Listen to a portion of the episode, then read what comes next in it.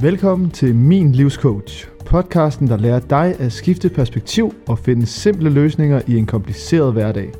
Her er din vært, certificeret livscoach, Camilla Berg. Hej honey. Jeg er virkelig glad for, at du lytter med, fordi i dag der gad jeg ikke at lave podcast. Så det betyder meget, at der i hvert fald er en derude, der lytter på, hvad jeg har at sige. Fordi jeg føler virkelig, at det her afsnit det er også nødvendigt. Det er også derfor, jeg satte mig ned for det gjort. Fordi det er nødvendigt i kontrast til sidste uges afsnit, hvor vi talte om ægte livskvalitet. Fordi vi kan godt komme til at bilde os selv ind, at hvis vi har ægte livskvalitet, så har vi det aldrig helvedes til. Og sådan er det bare ikke. Fordi hvis vi skal være bund ærlige over for os selv og hinanden, så har vi alle sammen sådan nogle dage, som jeg har lige nu. Og det er ikke, fordi der er sket noget stort eller voldsomt, eller der er noget, jeg er vred over som sådan. Jeg tror faktisk bare, jeg har sovet for lidt, og så er jeg bare sådan, oh, kind of feeling. Og personligt så føler jeg, at der er en pandemi, som vi ikke taler om. Og det er troen på, at vi skal være glade og positive hele fucking tiden.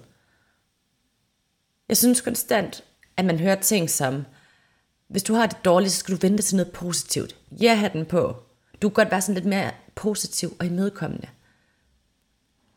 Og så begynder vi lige pludselig at gå og have det skidt med, hvis vi ikke er positive, hvis vi ikke har ja-hatten på, hvis vi lige har en lidt dårlig dag. Og så, og så er det, som det hurtigt sker, når vi så får det dårligt, at vi prøver at finde en måde, som vi kan få noget nydelse, så vi undgår det her med at have det dårligt. Og så er det nemt at ty til sociale medier, og stråle ned ad skærmen og få noget dopaminhit ud af det, få noget forarbejdet mad, og spise rigtig meget af det, nogle rusmidler, shopping, spil, musik, alt hvad der kan sætte gang i dopaminen og nydelsen inden i os.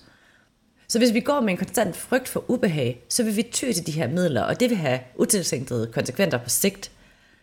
Så det der sker, når du fortæller dig selv, at der er en følelse, som du ikke bør føle, så fortæller du dig selv, at dine følelser er forkerte, og at du er forkert.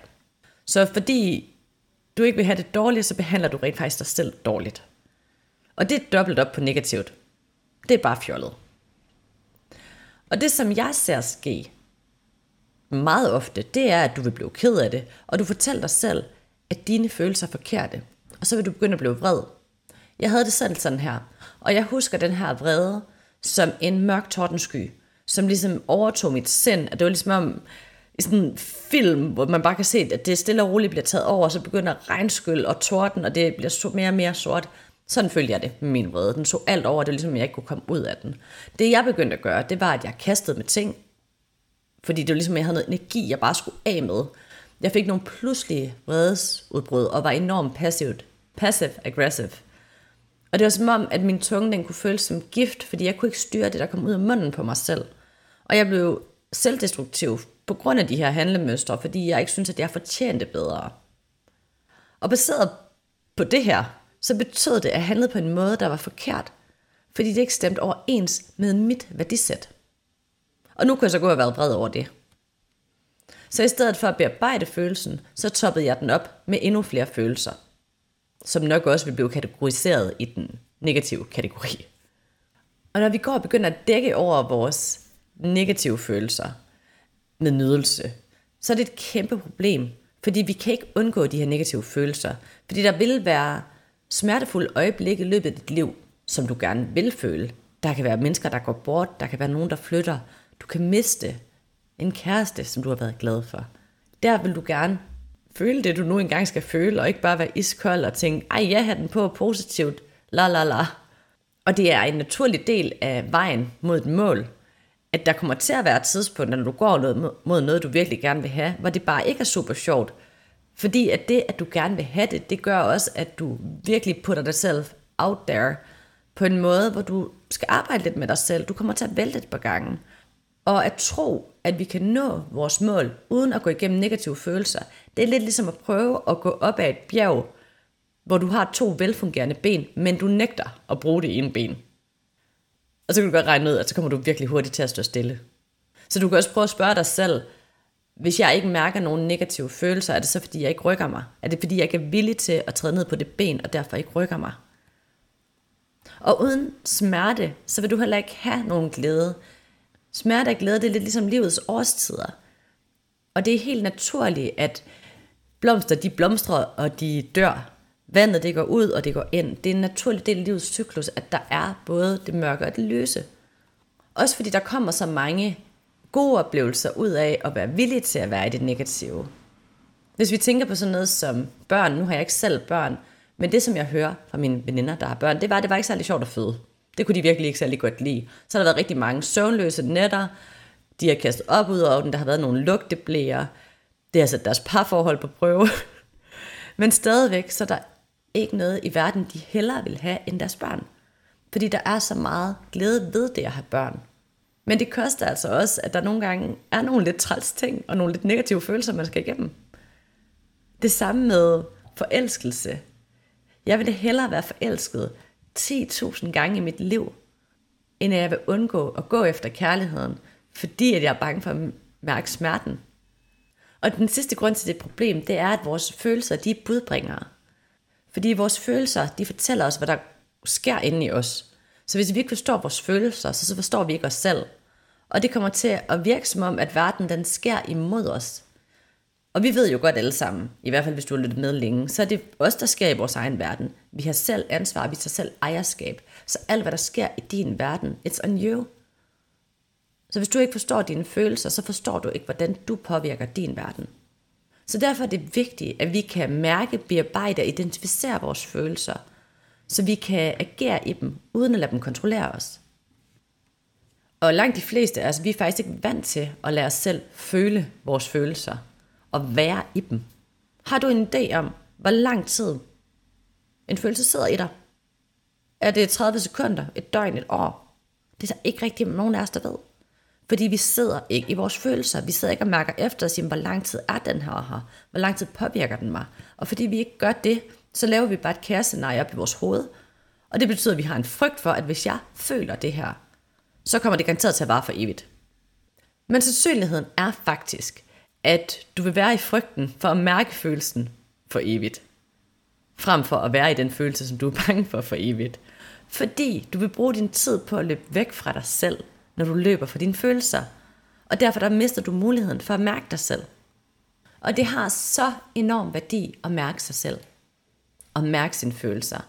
Og mange de synes, at det her med at tale om følelser, det er sådan lidt øh, uh, nussepusseri. Men det er sindssygt hardcore at være villig til og i stand til at mærke sine følelser. Fordi kun den, der tør at være i følelsen af pinlighed, får luksusen af at blive god til noget. Og du kan godt settle med, hvad du har. Men hvis du vil rykke dig, så bliver du nødt til at acceptere, at negative følelser is a part of it. Fordi så vil du mærke negative følelser, når du begynder at rykke på dine grænser. Hvis du bliver inden for den bane, du så hele tiden har spillet på, så vil du ikke mærke noget som helst. Men lige så snart du begynder at rykke ud fra banen, og lige sådan udvide en lille bitte smule, en lille bitte smule, en lille bitte smule, så vil du begynde at mærke de her lidt ubehagelige følelser, fordi du gør noget nyt, du prøver noget nyt, og du tager dig selv et sted hen, hvor du føler dig usikker. De her følelser, de er der for at fortælle dig, at du er på den helt rigtige vej. Hvis du ikke var nervøs eller usikker, så vil det ikke betyde noget fra dig. Så det betyder, når du står nervøs, at det er noget, du har lyst til, at det er noget, du gerne vil, og det betyder, at du strækker dig, og det betyder, at du rykker dig. Mennesker, der tager sig selv seriøst, er også villige til at tage deres følelser seriøst. Fordi det er prisen for dit mål. Så ægte boss bitches, vi tager vores følelser fucking seriøst, og arbejder instans med at forstå dem. En helt anden ting er også, at det kan virke modsigende det her, men det vil også gøre dig gladere, hvis du er mere i dine negative følelser. Fordi hvis du bliver bedre til at mærke den ene vej, så når du bliver i stand til at mærke dine negative følelser, forstå dem og være i dem, så vil det også gøre, at du bliver bedre til at mærke dine positive følelser og være i dem. Det går begge veje. Plus, der ryger en hel masse øh, negativitet ved, væk ved, at du ikke længere behøver at være negativ over at have negative følelser. Og så vil det her give dig en helt enorm selvindsigt i dine handlemønstre, og hvad de kommer af. Fordi alle dine følelser, de er connected til dine tanker. De er baseret på, at du har tænkt noget, og det har givet dig en vibration i kroppen. Så ved at forstå dine følelser, så vil du også kunne forstå, hvor, din, hvor den her følelse kommer fra, altså forstå dine tanker. Det der også er med dine følelser, det er, at de ligger til grund for dine handlinger. Så den her følelse, den ligger faktisk til baggrund for alle de handlingsmønstre, du har, og de resultater, du får, både positive og negative. Så på den måde, så er din følelser en budbringer omkring, hvilke tanker du har. Den fortæller dig om dine tanker, hvad der foregår inde i dig, og den giver dig indblik i dine handlemønstre, og hvordan du agerer, og hvad grunden til det er. Vi tænker omkring 60.000 tanker om dagen, så det kan godt være svært at vide, hvad vores tanker egentlig er. Vi når slet ikke at observere alle de tanker, vi har. Så nogle gange så vil det bare ligge tanker og bumle rundt, uden vi rent faktisk lægger mærke til dem. Og det er her, hvor følelserne kommer ind og giver en vibration i kroppen og siger, at det er det her, der foregår lige nu. Så dine følelser prøver at fortælle dig noget. Og det er faktisk ret vildt det her med, hvis vi kan blive opmærksom på vores følelser, og den kan give os opmærksomhed på vores tanker, så er det faktisk ikke, fordi vi behøver at ændre så meget, fordi bare det, vi er blevet gjort opmærksom på det, det gør, at vi begynder helt automatisk og lægge mærke til hver eneste gang, vi tænker de her tanker, og bliver opmærksom på, hvor ofte vi gør det, og derved vil der ofte ske en helt automatisk ændring. Fordi det giver en refleksion over, hvordan dine tanker de påvirker dig.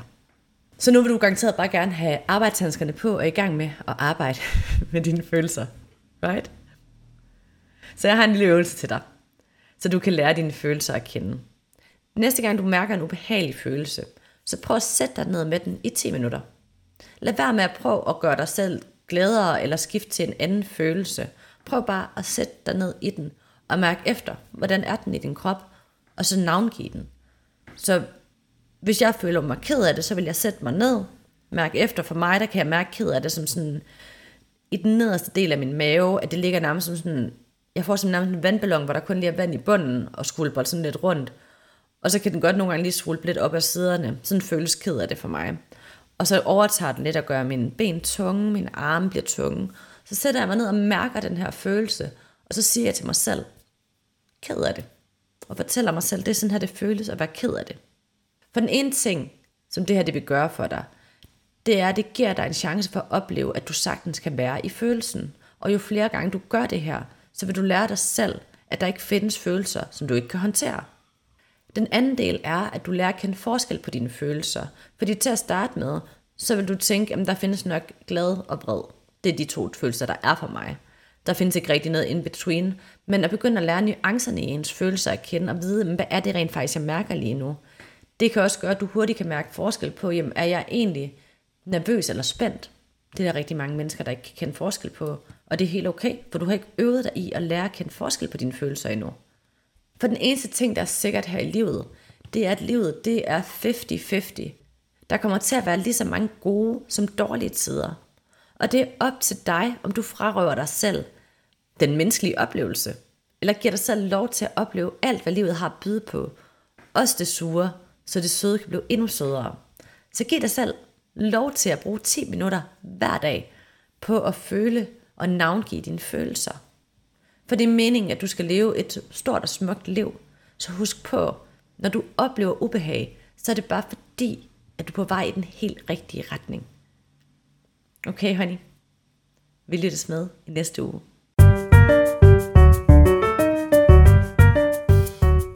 Får du noget ud af podcasten, men vil gerne have endnu mere sparring på din rejse mod at få mere tid og mindre drama, så inviterer jeg dig til en gratis afklaringssamtale, hvor vi kan finde ud af, om jeg skal være din coach på rejsen. Du finder linket op i beskrivelsen af podcasten.